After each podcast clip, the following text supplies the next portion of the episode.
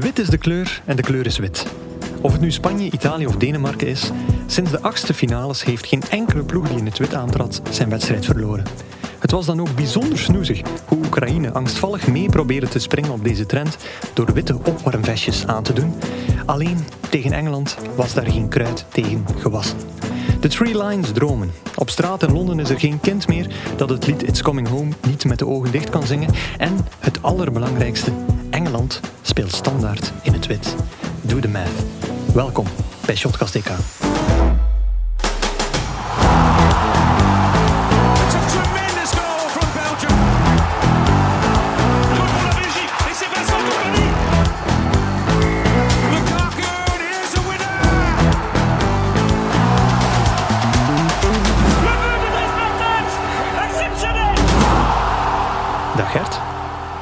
Guillaume, mooie math.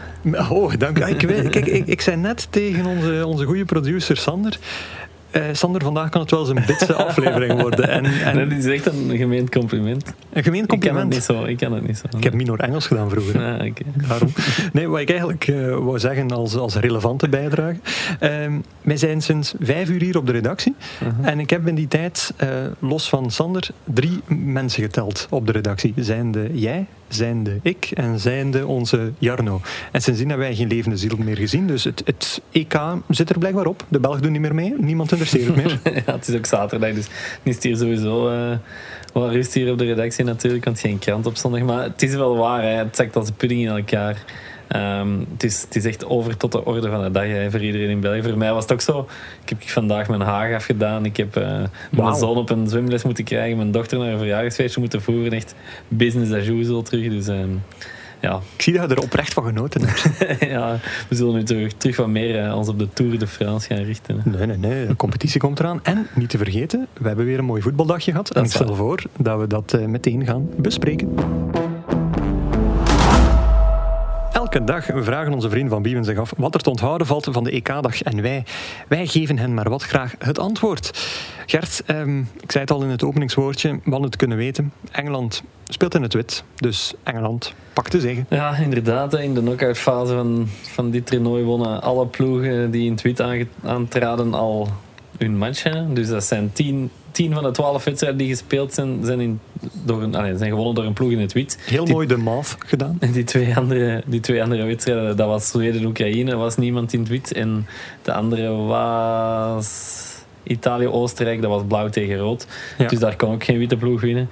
Maar voor de rest hebben we alle witte ploegen gewonnen. Dus ja. Oké, goed. En daar kwam dan ook nog eens bij dat het eh, redelijk snel beklonken was. Dus Ja. eh, los van de truitjes eh, waren er gewoon al supersnel eh, ballen in het netje Ja, dat was eigenlijk ook een, dat is ook een kwartfinale trend. Hè, want in drie van de vier wedstrijden was binnen de Mhm. vijf, zes, zeven minuten het eerste doelpunt al. En nu in de wedstrijd van Engeland zelfs. Zowel in de eerste helft als in de tweede helft. Ja, wel, eh, laten we bij Engeland beginnen, Ja. want ehm, Gert, wie scoorde nu ook alweer na vijf minuten in de eerste helft? Harry Kane. Was dat niet die man die jij zo'n overschatte spits vond? Ja, dat klopt. Ik vind dat... Ik vind, allee, mijn, mening, mijn mening verandert daar niet over. Maar ik, allee, ik wil wel zeggen, een overschatte spits wil niet zeggen dat hij een slechte spits is. Hè, want dat, dat, hè, mensen gaan al direct in, het in, in het defensief van dat is toch geen slechte? Nee, dat is geen slechte, dat heb ik niet gezegd. Het is een overschatte spits. En het is eigenlijk ook geen burn op hem, maar het is een burn op de Engelsen. Want ik vind... In Engeland vinden ze dat allemaal gewoon de beste spits van de wereld. En dat is hem gewoon niet. Ehm allee, Wie is er hebt- beter? Ja, je hebt Lewandowski, je hebt Haaland, je hebt Benzema, je hebt Ronaldo, je hebt Lukaku. Ik schat die allemaal hoger in dan, eh, dan Harry Kane. Maar dat is volgens mij ook gewoon het eeuwige probleem van Engeland. Hè. Die, die kijken alleen naar hun eigen competitie, naar Ja. hun eigen land. En die vinden alles wat daar gebeurt het beste wat er, wat er geef is. nog een ander voorbeeldje Ja, dan. die vinden nu ook gewoon ineens Jordan Pickford de beste doelman van de wereld, omdat hem dit, dit toernooi nog geen enkel tegendoelpunt heeft gehad. Dan hebben ze hem toch niet zien uitkomen daar ja, net hij rond heeft ook nog geen enkele bal moeten pakken, hè, bij wijze van spreken. Twee. Ja, inderdaad. Dus, allee, ja, dat is, dat is echt iets typisch Engels en ik, ik kan er niet tegen. En dat, dat, Ik ben wel blij dat ik toch een beetje onder uw, onder uw skin zit eigenlijk. maar om nog, nog een voorbeeld te geven, 442 die hebben een lijstje gemaakt, de 10 beste spitsen ter wereld. Gerenommeerd magazine. Ja, dat wel, maar de 10 beste spitsen ter wereld. Wie staat daarin? Calvert-Lewin. Ja, Ja, oké. kom aan, hè, mannen. Hey. Ja, oké. Ja, dan, dan, Dat dan- zegt toch alles, hè? Allee, dus dat is de samenvatting van, wat ik, van mijn punt. Dus Maar- het is niet zozeer tegen Harry Kane, het is tegen de Engelsen die vinden dat hij de beste spits van de wereld is. En dat is hij niet. Oké, en kun je de man niet vandaag dan een beetje respijt geven? Eh, want hij scoort twee keer, hij krijgt een applausvervanging. Eh, hij heeft nog maar één doelpunt nodig om Gary Lineker te evenaren als all-time topschutter op een, eh, op een groot toernooi voor Engeland. Doe je dat niet een klein beetje toch veranderen? Over Gary Lineker evenaren, ja, zo, er zijn nu gewoon veel meer wedstrijden, die TK en minder tegenstanders. voor alles een uitleg. Ja. Ja, maar nee, en het was vandaag ook gewoon... Alleen met alle respect, hij maakt twee goals, maar tegen Oekraïne, hè, die, hebben, die hebben al drie wedstrijden verloren hè, op dit toernooi. Ik weet dat is evenveel als Noord-Macedonië en Turkije. Oei, dat wist ik niet en dat plaatst wel een en ander in perspectief. Dus, dus Oekraïne heeft al evenveel En wedstrijden... Rusland. Eh, nee, Rusland heeft Ah, drie ja, op negen heeft uiteindelijk. ja, ja, Eh, maar dus Oekraïne heeft evenveel wedstrijden eh, verloren als de twee slechtste ploegen van het toernooi. ja, inderdaad. Oké. Ja, leuk dat mijn Dark Horse weer tot eh, zoiets... Ze halen dan eens de kwartfinale en zelfs dat wordt mij niet bespaard. Maar wat, ehm, Engeland scoort, vroeg. Los van wie dat het gedaan heeft. En dan wist je eigenlijk het al van... Hè, het wordt weer zo'n match. En, en zelfs na die doelpuntenregen van de Engelsen... Want de Engelsen wonnen uiteindelijk met 0-4 tegen Oekraïne... Had ik nog steeds een beetje zo dat, dat mij-gevoel. Of, ben- of ben ik dan te streng? Nee, nee, ik had dat ook. Ik- want ik heb eigenlijk vooral moeite om deze zege te zien als een zege in een kwartfinale.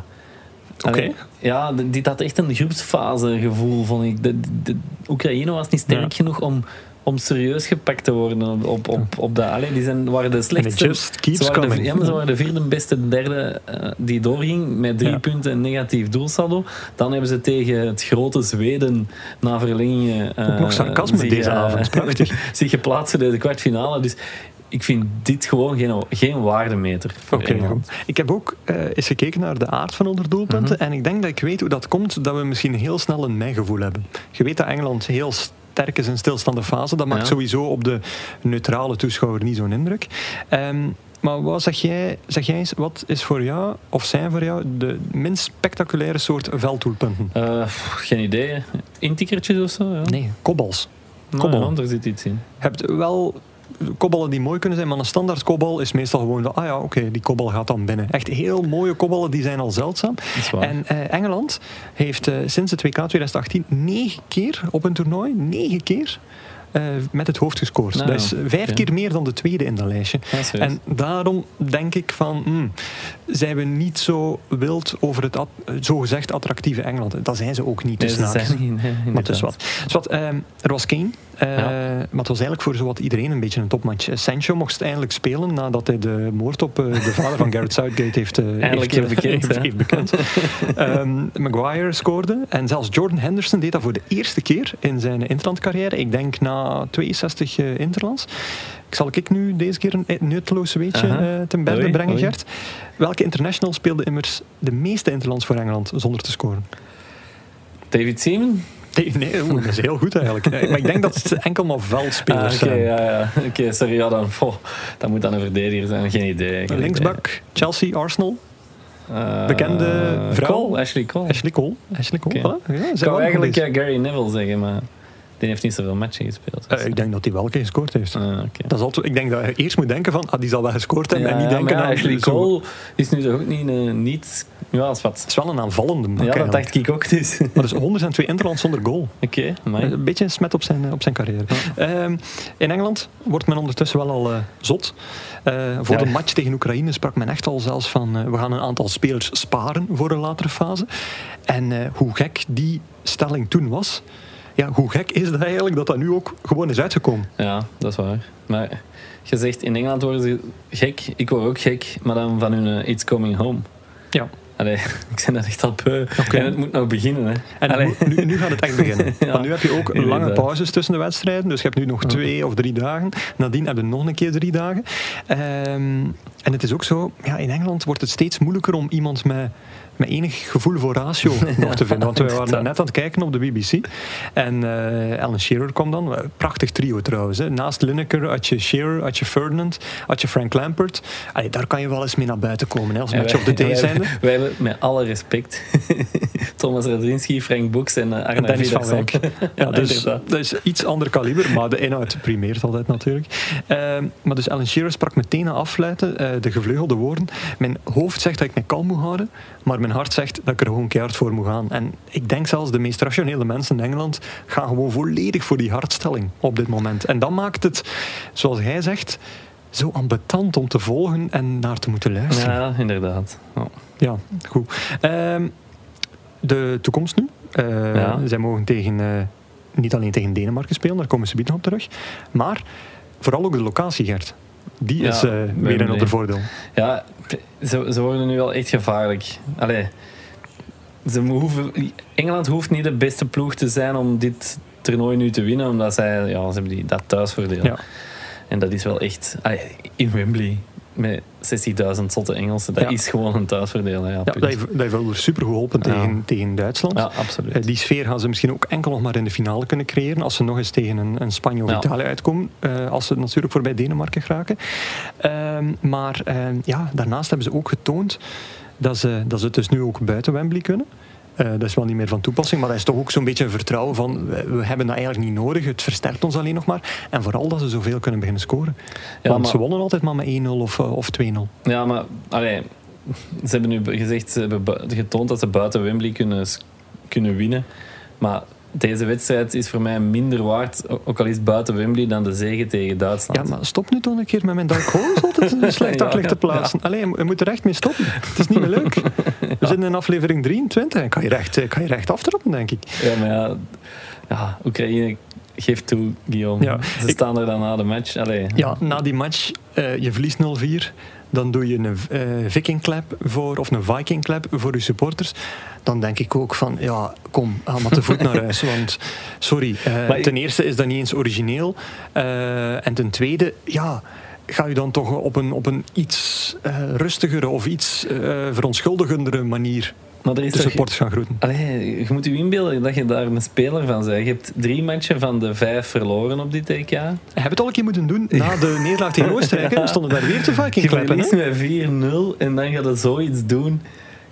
Ja, ja, zat. Ja, en voor de helft van die spelers is dat ook je gewoon een verplicht nummertje. Ja, wel, ja, dat bedoel ik. Die moeten zich toch een beetje lullig voelen. Ja, ook. Ja. En. Shevchenko komt daar dan ook zo bij staan. Ja. Terwijl, allee, ja, Shevchenko was gewoon geen Oekraïns bondscoach meer als hij niet was opgepikt als beste derde. En nu haalt hij met Oekraïne het beste resultaat ooit op een EK. En, en is hij zogezegd de heiland, terwijl, ik zal, het nu, ik zal nu een self-burn doen over mijn Dark Horse, ze geen één wedstrijd goed hebben gespeeld. Zelfs waar. niet tegen Zweden. Ja, Ja. Nu, ehm, het is een record voor Oekraïne, die kwartfinale. Voor Engeland is het een evenaring van het EK-record. Eh 1996 hebben ze ook eens de halve finale gehaald. Fans zijn er duidelijk klaar voor. Ze laten al allerlei gekke tattoos tatoeëren op eh, diverse lichaamsdelen. Alleen, ehm, domino's moet zich in Engeland herpakken. Domino's van de pizza's. Domino's van de pizza's. Want ehm, als je dacht dat wij Belgen al veel pizza hadden besteld toen wij tegen Italië speelden, ja, eh, dan maakt het de Engelsen totaal niet uit of ze tegen de Italianen spelen. Daar wordt altijd massa's, massa's, massa's pizza's eh verorberd. En eh, het was zo'n grote massa dat eh, de site van Domino's zelfs gecrashed is. Echt? En ja, ze ook niet meer meteen up and running waren. Dus ehm, die hebben een waanzinnige goede dag door onder hun neus geboord zien gaan, denk ik. Zo. Ehm, nog iets over deze wedstrijd, Gert? Of gaan we vlotjes over naar de volgende? Over naar het volgende. Dus we moeten niet zeggen dat Felix Brig toch misschien wel een goede partij heeft gespeeld, ondanks zijn waanzinnig slechte partij. Ja, België, de- ja? Felix pa geel had gegeven voor, om, voor de trekfout tegen Lukaku, dan had België misschien nu nog in gezeten. Oeh, my, heel... Want dan had eh, de Bruyne geen gescheurde ligamenten gehad. Oké, Dus oké, we heel zijn naam niet meer. Oké, heel hot take, mooi. Zwat, Engeland eh, neemt het dus op tegen Denemarken. En eh, dat was dus in de, in de vooravond dat die Ja, wedstrijd gespeeld werd. En dat doen zij, ondanks eigenlijk eh, letterlijk bloed, zweet en tranen De Tsjechen. bij de Tsjechen. Ja, ja, Maar inderdaad. Waar hè, hebben die allemaal uitgestoken? Ja, die, de, de Tsjechen, ik, ik las wat commentaren van wat journalisten en, en, en, fans. Van, ze waren echt wel, eh, ondanks het verlies, trots op hun eh, gladiatoren. Want, want ja, de twee spelers met een toolband op het veld eh op het einde van de ongezien eigenlijk. Hè? Suchek, Suchek en, en Boril. Dus ja, ze hadden allebei een hoofdwonde. Bij Suchek liep, liep het bloed zelfs langs zijn nek weg. Zo. Dus eh, dat was eigenlijk... eh, ja, dat zag er toch niet zo Nee, en, verstandig en uit. dan denk ik ook meteen terug aan Patrick Schiek, die denk ik tegen Ah ja, al. Kroatië dan eh, een, bijna ja, toch een neusblessure opliep tegen, tegen Kroatië Ja. in een penaltyfase. Dan zelf terug die, dat veld opkomt, die penalty binnentrapt. Met bebloede neus. Met bebloede neus, wat ook niet echt reglementair was. En ja, da- dan krijg je dus het cliché dat mensen gaan zeggen van dit is echt wel een heroïsch ploegje. Hè? Ja, dom, hè. Want allee, als je dan na de match leest dat uh, Suchek onwel is geworden... Is dat? eh, ja. Oei. Dus, Ja, ja, oeh. Oh, nee, dat dan is wist dat toch niet. zo verstandig geweest om eh, door te spelen met die eh, wonden. Nee, jawel. Alleen, we hebben er 23 afleveringen moeten wachten, maar ik ben het wel volmondig eens met u nu. Want eh, nee, kijk, het is weer zo heel die discussie over hoofdblessures. Zelfs al zegt een speler dat hij door wil doen, mocht hem niet geloven. Ja. De speler beslist niet in dit geval. Inderdaad. Want dan krijg je een situatie als Soesek die dus effectief ehm, dus flauw gevallen is. Ja, inderdaad. Amai. Maar in hetzelfde kader wil ik nog wel één ding zeggen. Doe maar. Ehm, dus de Bruinen heeft gisteren gespeeld met die gescheurde enkelligamenten. En ik wil er eigenlijk nu toch eens over zeggen dat het nu eens eindelijk gedaan moet zijn met mensen die voetbal haten en koers, van koers houden. Ik hou ook van koers, maar ik hou ook van voetbal. Die zeggen dat coureurs echte venten zijn en alle voetballers mietjes. Ik zeg wel alle voetballers, hè, want Ja. er zijn mietjes onder de voetballers misschien wel, maar... Allee, Chiro nee, dus, maar spelen met gescheurde enkelligamenten, ik vind het nog altijd waanzin. Ja, maar dat terzijde. ik vind het ook dom eigenlijk. Ja, ja, misschien ook wel, ja. Maar, maar bon. Dat terzijde. Ja. Oké. Ehm Soesek, eh, daar moeten we het nog even over hebben. Allee, eh, of, of, Ja, het is of, toch of, hè? of, of ja, of, of eh, Susek heb ik ook gehoord. Ja, want, inderdaad. ehm, ja, ik, ik, ik weet eigenlijk niet hoe dat ik het nu exact moet uitspreken, want eh, we hebben drie verschillende commentatoren van Sporza een match over Tsjechië, eh, van Tsjechië horen becommentariëren.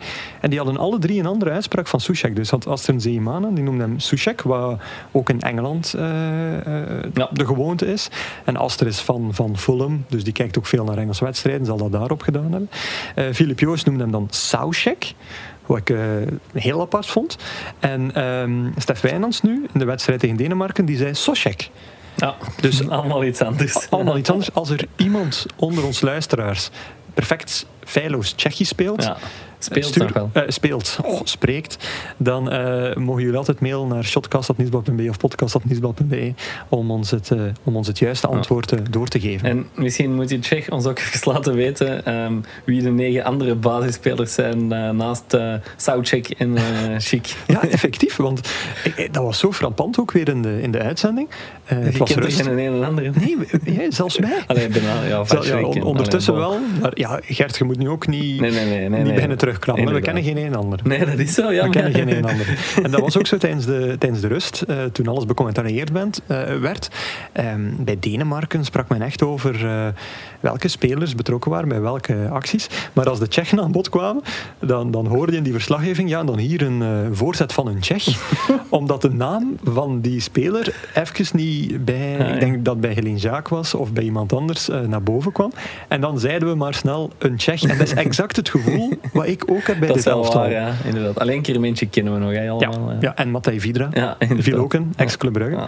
Dus eh, dat maakt het ook wel een beetje van de match van de ex-Belgen. Ja, Zeker omdat er bij Denemarken met Joachim Mele ook een ex-Belg, Ja. ex-Genki, eh, zat. En die was wel redelijk impressionant. Ja, weer, weer een assist met een fantastische actie over links. Opvallend eigenlijk hoe dat hij eigenlijk degene is die er persoonlijk het meeste profijt uithaalt uit het feit dat Christian Eriksen is uitgevallen. Ja, Want- die vandaag trouwens eh, opdook met een, eh, met een foto, waar dat hij met een fan poseerde. Dus dat hij weer buiten komt onder de mensen. Ja, maar dus, en om, dus hij profiteert ervan omdat ze, ze zijn een ander systeem gaan spelen. Ja. Waardoor dat hij nu op, echt op een wingback-positie staat. En ja, dan komt hij veel beter tot zijn recht dan in, eh, in het vorige systeem. En Philippe Clement ook Ehm, in driemans defensie. Inderdaad, ja. Al, al had hij op het einde van de wedstrijd wel de wedstrijd dood moeten maken door de bal af te leggen op eh Braithwaite in plaats van zelf te trappen. En Ja. bij 2-1, en allee, dat, was wel nog gevaarlijk. Stel dat er dan toch nog een tegendoelpunt komt. Maar alles is natuurlijk of wordt vergeven door die geweldige voorzet of die geweldige assist met buitenkant rechts. Ja. En elke trainer zou daar eigenlijk bijna zot van worden, omdat hij altijd zegt van, je moet dat niet doen met die tierlantijntjes. Maar als je dan effectief zo'n bal kunt brengen voor doel, voor dan Dolberg, die, die plotseling een glimlach op zijn gezicht kreeg daardoor, terwijl dat niet echt de persoon is die heel veel emotie uitstraalt, dan mag je zelf... maar een kleine glimlach, hè? Ja, een klein glimlachje. maar dan, allee, dan mogen toch zelf u even wel op de borst kloppen. En dat zal Joelman Ja, misschien ook wel gedaan waar. hebben. Ja. Ehm, wat ook opvallend is aan Melen, eh, rechtsvoetige, die het eigenlijk op links doet. klopt. Want eh, zowel bij Genk als grotendeels bij Atalanta, waar hij nu eh, zit, speelt hij eigenlijk op rechts. En bij Denemarken moet hij gewoon op links komen Ja, depaneren. En hij doet dat eigenlijk fantastisch met een goal tegen Rusland, goal tegen Wales en nu een assist Ja, ik tegen denk zelfs, Tsjechië. eigenlijk, als, als wij hem niet zouden kennen van bij Genk, buitenlanders denken misschien gewoon dat hij linksvoetig is. Ja, kan Alleen wel. dat hij altijd hij het zo goed doet op links. Ja, dat Dus, is waar. Ja. Nu, het is nog onbegrijpelijker dat onder Felice Mazzu in denk ik 2019 dat er toch een periode was dat blijkbaar Melen hem niet kon overtuigen op training en hij vier, vijf wedstrijden op eh, de bank is moeten starten Ja. en zelfs twee keer niet is mogen invallen. Dan denk ik echt van, goh, die heeft een keer stevig op je pik getrapt. ja, ja, waarschijnlijk, waarschijnlijk. Want Gert, eh, nog een nutteloos weetje over deze match. Ik heb mijn nutteloze weetjes al gedeeld, het is weer aan jou. Ja, de Denen hebben hun eerste twee matchen verloren, maar halen de halve finale. En dat is eigenlijk nog nooit gebeurd. Oké. Dus allee, wel straf. Ja, oké. Ik ga nu eens een, een hot take geven, Ja. zoals dat dan in het jargon eh, heet. Eh, maar dat Denemarken in de halve finale staat, is op papier eigenlijk de logica zelf, zou ik bijna durven zeggen. Je had natuurlijk het, het, drama Ja. met, met Eriksen, Mhm.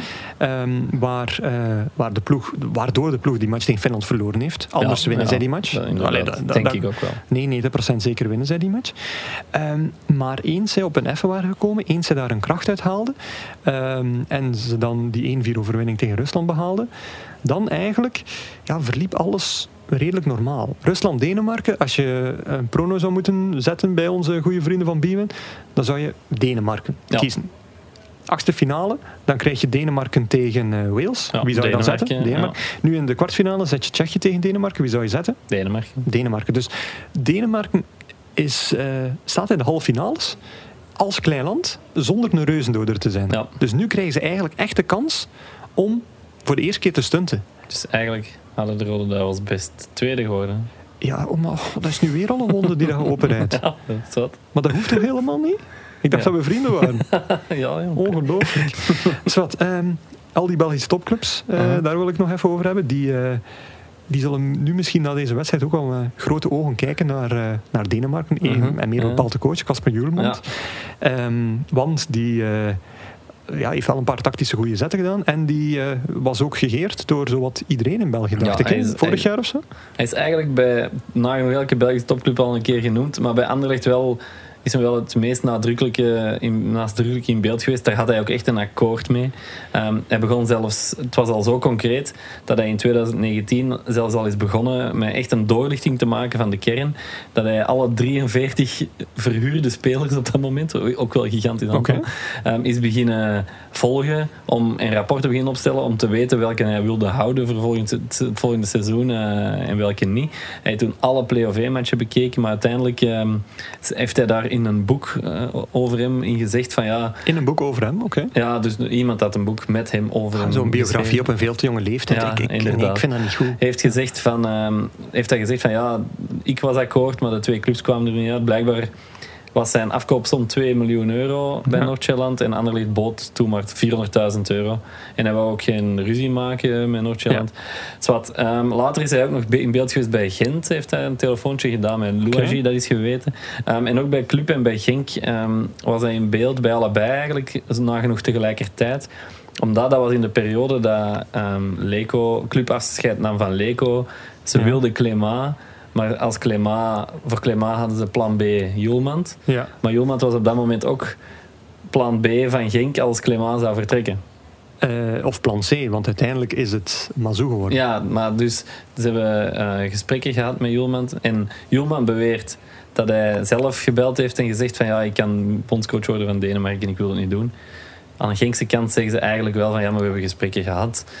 Het was niet helemaal wat we wilden. We hebben Oké. dan voor Mazou gekozen. Dus het- ja, de waarheid zal wellicht in het midden liggen. Ja, oftewel ligt gewoon één van de Ja, twee dat kan ook. Ja, Eerder dan misschien. Zwat, eh omtrent het EK zijn wij duidelijk weer helemaal mee. Dus wij gaan over naar de wisselrubriek. Hallo Delvo. Wij zelf zitten heerlijk knus in onze studio, maar dankzij onze vliegende reporter Maarten hebben we toch het gevoel dat we er elke dag middenin zitten. Dus wij hebben hem aan de lijn hangen. Eh, Maarten, hallo. Hey, dag dag Gert. Hallo. Eh, Maarten, vlak voor de start van deze opname ehm, hoorde ik je nog snel en geen ruzie maken roepen tegen je kinderen. Dus ik zou zeggen, welcome back to reality. Ja, eh, ik wil, wou zeggen dat ik in de stille Kempen terug was, maar dankzij twee kleine kinderen in de stille Kempen, die is toch niet zo stil. Maar Nee, dat geloof ik, dat geloof ik graag. Eh, nu, gesproken over stilte. ehm, hoe stil was het op het eh, vliegtuig deze ochtend? Want je bent vanochtend vroeg teruggevlogen naar, eh, naar, naar België. Ehm, was het voltallige journaal je dan ook diep teleurgesteld? Of keken jullie al uit naar het feit dat de vakantie nu een weekje vroeger begint? Eh, het was vooral heel stil, omdat we pas tegen half twee, twee uur vannacht in ons hotel waren en om kwart na vijf al terug op de bus zaten naar de luchthaven. Dus iedereen was... eh, er was zowel een beetje gelatenheid, omdat ons avontuur er een beetje te vroeger op zat dan iedereen had gehoopt en misschien verwacht. En eh, ook wel ja, twee uurtjes slaap, dan eh, is eigenlijk niemand echt heel vrolijk en jollig. Wil iedereen gewoon slapen. Of degenen die niet kunnen slapen, die hebben een ochtendhumeur. Ja, Dus, eh, en zeker als je beseft dat je terug moet gaan naar je ruziemakende kinderen. Ja, voilà. Dat had eh, toch een, weekje Londen en twee keer Wembley had, eh, had beter geweest. Ja. Ja, inderdaad. Dus ja, een, een goed afsluitend glas samengedronken zat er dan ook niet in als je pas om kwart na twee terug in het hotel was. Ja, nog eentje hebben we snel gedronken, maar de meesten waren al eh, vrij moe. Ik heb nog, nog eh, mijn best gedaan om de rest te overtuigen om een beetje langer te blijven, maar eh, op het einde zat ik er helemaal alleen en dan ben ik ook maar gaan slapen. Dat is, toch, dat is toch wel een beetje anders dan toen bij de uitschakeling in Rusland tegen, tegen Frankrijk. Hè? Want toen herinner ik mij, dan, dan moesten we pas de, ook de volgende dag vliegen, denk ik. Maar dan, Ja. nee, nee, ja, dat, ik weet, het was een trein misschien zelfs. Maar dan, dan hebben wij nog tot vier uur s'nachts op, op restaurant gezeten eigenlijk, hè, van dat hotel. En, en niemand, ja, Amai. niemand kon nog, niemand wilde precies gaan slapen toen. Iedereen bleef maar verhalen vertellen. En dat is toch, toch een beetje anders dan... eh, Ja, ja, het was eigenlijk al helemaal anders. Het was, eh, ja. Ik denk ook wel dat iedereen erop gerekend had. Iedereen was ook al wel wat bezig met, ja, met de volgende fase. eh langs de ene kant. Terwijl iedereen ook wel besefte dat Italië geen walk in the park zou worden, was iedereen ja, toch nog niet klaar om naar huis te gaan. Oké, oké. Eh, Maarten, je hebt eh, de 2-3 van het Nieuwsblad gemaakt gisteren over de fans. Eh, Maar je hebt ook nog wat reacties gesprokkeld eh, in de mixzone. Eh, eh, en daar is je wel iets opgevallen. Ja, in de, in de virtuele mixzone. eh helaas was dat in coronatijden gehad, dus we hopen dat dat snel terug ja, voor de gewone mixzone wordt ingeruild. Eh, ja, eh, dus die virtuele mixzone ben je afhankelijk van, van eh, de goodwill van wie er wil spreken. Hè. In de gewone mixzone, daar moeten alle spelers door. Dus dan kan je eigenlijk iedereen aanspreken. Ehm, maar nu kunnen spelers zelf kiezen of ze voor de camera gaan zitten. En het waren er maar een paar die gisteren bereid waren om te spreken. Eh, de Bruyne, Courtois. Ehm, eh, Vertongen is ook nog op tv geweest, maar niet bij ons. Ja. Eh, Thomas Meunier. En dat was het, behalve dan ook nog de piepjonge Doku. Ja. Ehm, die was ook mans genoeg om zich nog voor de camera te zetten en de pers te trotseren. Dat vind ik wel knap. Dat je als Benjamin van de groep, die een fantastische wedstrijd ook heeft gespeeld, toch nog eh, met de pers wil praten. En, en dat was geen makkelijk moment. En er waren eigenlijk heel veel ervaren mannen eh, die geen kat stuurden, maar Doku stond er. En die, eh, ja, die, die antwoordde rechtuit en, en, en heel goed eigenlijk op de vragen. Dus Oké. een plan voor, voor Doku. Alright, dus goed met de voetjes, goed met de tong. Ehm, die Ja. fans, Maarten, ging dat ook zo eh, strak eh, geregeld eraan toe? Of eh, heb je daar nog een leuke anekdote kunnen vaststellen? Dat zal dan eerder voor de wedstrijd geweest zijn, want na de Ja, wedstrijd ja, zal niet te soeps, veel soeps mee geweest zijn. Nee, na de wedstrijd was voor iedereen inpakken en naar huis. Voor de wedstrijd zat de sfeer er eigenlijk wel goed in. Het was in, de, ja, het was in München natuurlijk, dat helpt wel. We zaten in de, de plaatselijke biergarten. Vertrouwd terrein voor jou? exact- Dat is, eh, dat is eh, ongelooflijk bekend terrein voor mij. Dat is exact wat je denkt dat het is. Dat is namelijk een gigantische tuin met eh serveuses in, in brindel en mannen in lederhozen die alleen liters bier serveren. Een duizendtal Belgische fans die de sfeer verzorgen. Ehm, de sfeer zat zeker goed. Af en toe een paar kleine dingen dat eventjes uit de hand liep. Als er Bengaals eh vuur werd aangestoken, dan werd die... Eh, nee, het is allemaal buiten. Hè. De biergarten is helemaal Garten, buiten. Ehm, als, ja, ja, voilà. Eh, en als dat werd aangestoken, dan werd die enkeling direct opgepakt door de Duitse politie, die zowat zich uh, afwezig hield, behalve op zo'n moment. Waarop dan die politie direct getrakteerd wordt op een spreekwoord van Gestapo, Gestapo, je weet hoe dat, dat gaat. Dat weet ja, ik niet eigenlijk. Ik zit hier, jij zit daar. Ja, voetbalsupporter. Hè. En uh, dan werd er ook af en toe, ja, normaal wordt er met bekers bier gegooid, maar in München is dat dan met glazen liters bier. Alleen zo'n zo'n uh, glazen liter, die vliegt natuurlijk minder ver dan, dan een bierbeker. En uh, in plaats van dan de politie daarmee te raken, werden de eigen fans geraakt. Dus, dus er heeft een Belg ja. een, een, een, glazen beker Liter. Glazen liter, ja. Een glazen liter tegen zijn, tegen zijn achterhoofd ja. of zo? Ja, ik moet wel zeggen dat die persoon op dat moment ook wel de politie aan het uitdagen was en een andere fan dacht hem uh, te helpen door een glas bier te gooien. En dat uh, belandde op uh, het hoofd van de Belgische fan, die dan wel direct werd afgevoerd en, en, geholpen door die Duitse politie waar hij net daarvoor mee aan het vechten was. Dus ah. lang leven de Duitse ordentroepen, zou ik zeggen. Ordentroepen. Als dat je definitie ja. is van een klein akkefietje, dan wil ik absoluut niet horen wat je verstaat onder een grote miserie tussen fans eigenlijk. Ja, maar het was, allee, dat was eigenlijk een kleine geruststelling. Het was wel vooral, uh, ja, het was wel gigantisch leuk. De sfeer was goed en vooral op de bus er naartoe, 40 minuten. Uh, dus alle fans werden van de Biergarten rechtstreeks met bus naar de Allianz Arena gebracht. Dat was uh, ongeziene tafereelen weer waarvan die uh, lange bussen, die zaten stamp, stamp, stamp vol. En, en, ja, ik weet niet hoe dat die buschauffeurs erin zijn geslaagd om met de bussen van de Allianz Arena te komen. Want iedereen was constant aan het springen. Ik zag 40ers, 50ers ondersteboven aan de buspalen hangen. Uh, een, een, een 60er die crowdsurfend van de achterkant naar de voorkant van de bus en terug. Uh, natuurlijk reden er ondertussen Italiaanse fans langs in hun auto. En ik heb daar een vrouw van middelbare leeftijd een uh, Italiaanse auto op haar blote billen tegen de venster van de bus uh, getrakteerd zien worden. Ja, dat, was, uh, dat bestaat nog. Dat, dat, dat, dat, bestond nog. Ik, ik, ik, wist ook niet wat ik zag. ik was ondertussen filmpjes aan het nemen, maar toen heb ik maar even gestopt. Want ik dacht van, de, die vrouw ga ik, ga ik tegen zichzelf beschermen. maar dus, ja, de sfeer was gigantisch uitgelaten. En wat je ook merkte toen mensen ook zagen dat je journalist was met, met een badje op mijn dat iedereen eigenlijk gewoon vragen stelde van hoe gaan wij in Londen geraken? Uh, hoe moeten wij dat regelen? Waar moeten wij vluchten doen? Moeten wij in quarantaine? En er was eigenlijk echt niemand uh, die al die dacht van dat het tegen Italië kon mislopen. Iedereen was al eigenlijk bezig met het plannen uh, van de trip naar Londen en, en de volgende. Ja. Oké, okay. ik ging net zeggen van een prachtige anekdote om mee af te sluiten, maar dan moet je toch weer de sfeer verpesten. Ah, zo ben ik, zo zitten we in elkaar. Ja. Goed, Maarten, mag ik je onwijs hard danken voor al je bijdragen uh, gedurende het toernooi. En ik zou zeggen van, zorg dat je kinderen niet meer ruzie maken, uh, vriend. Ja, dat, uh, dat gaat moeilijk worden. Maar als ze te hard van hun tak maken, dan zorg ik er al voor dat de sfeer ja. Oké, perfect. Dat komt er. Maarten, okay. tot, tot een volgend toernooi. Ja, het genoegen was geheel aan mijn kant. Veel succes. Dit was Maarten, Gert. Uh, die is naar huis. Of ja. die is al thuis. Ja. Want, want iedereen is wel thuis. Hè? Misschien ja. nog heel snel schetsen. Dus we maken een gigantische bubbel met heel veel uh, technische, belangrijke zaken, veel regelgeving. En dat is al op een paar uur plotseling uh, gespat. Ja, het begon eigenlijk al, al in, uh, in het stadion, dat Meunier met zijn kind en zo ja. op, de, op de arm uh, rondliep. Maar um, ja, zes uur na de wedstrijd was, was het echt al voorbij.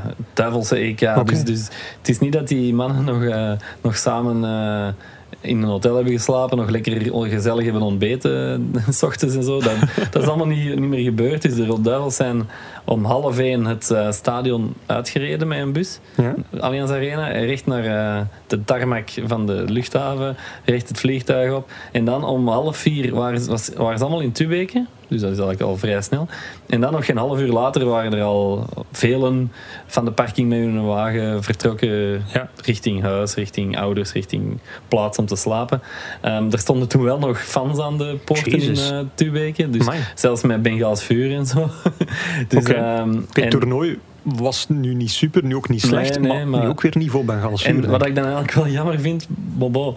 ehm, dus die spelers die rijden buiten, die fans vragen om te stoppen voor handtekeningen en selfies. En alleen Jason Denier, ik zeg niet iedereen is al vertrokken, hè, maar van degenen die vertrokken zijn, is alleen Jason Denier gestopt. Ja. En dan staat er daar als fan in vier uur s'nachts uw helden op te wachten. En alleen Jason Denier maakt tijd voor u. Ja, an- anderzijds ja, moet het tot vier uur s'nachts opgejaagd worden als voetballer.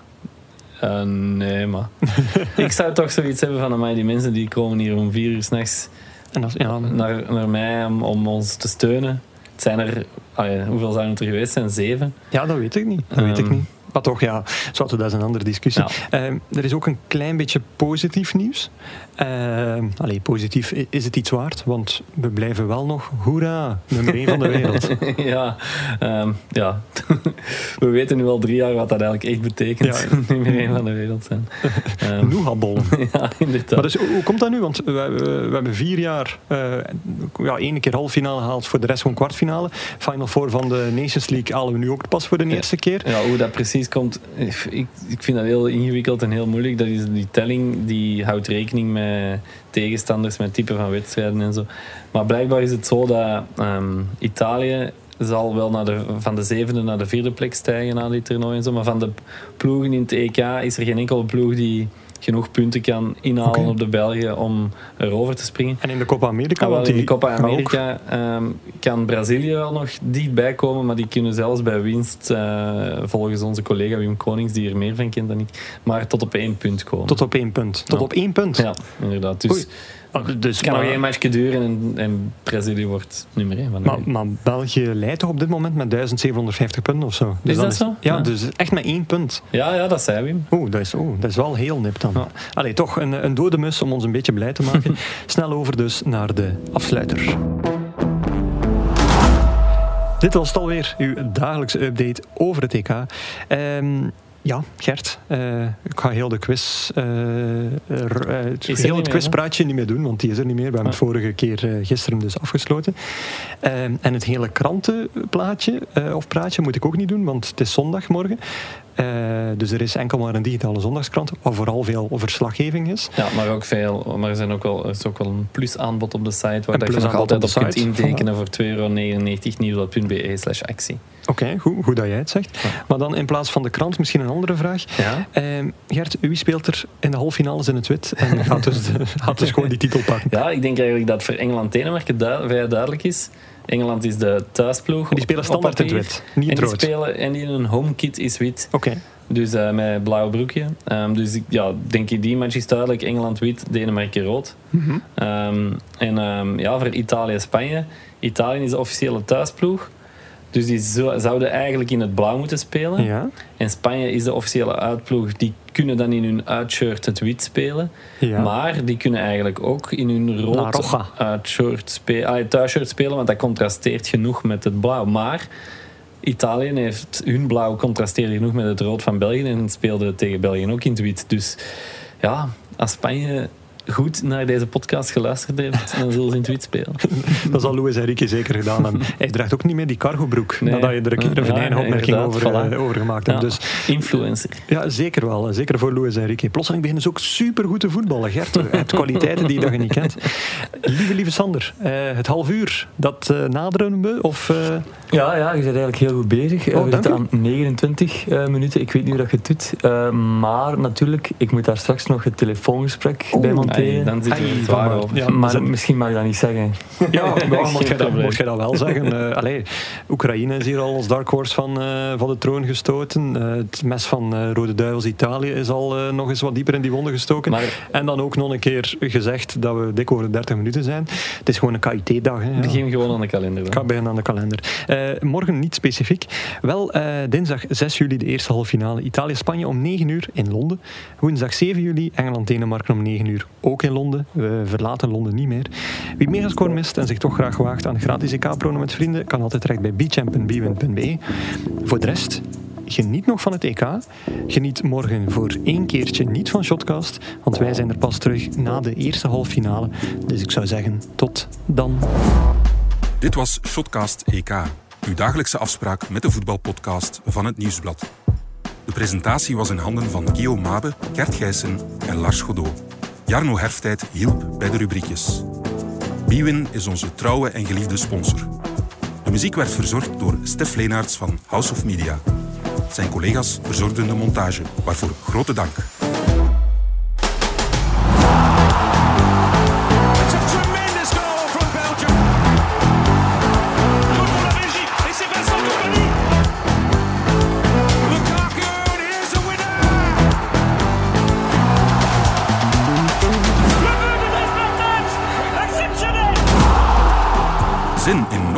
Van het Nieuwsblad? Kies dan voor onze wielerpodcast De Koers is van ons, onze politieke Actua-podcast Het Punt van Van Impe of onze crimi-podcast De Stemmen van Assise. Ook Slimmer Leven en ons magazine Billy kan u niet alleen lezen, maar ook beluisteren. En anders, tot morgen.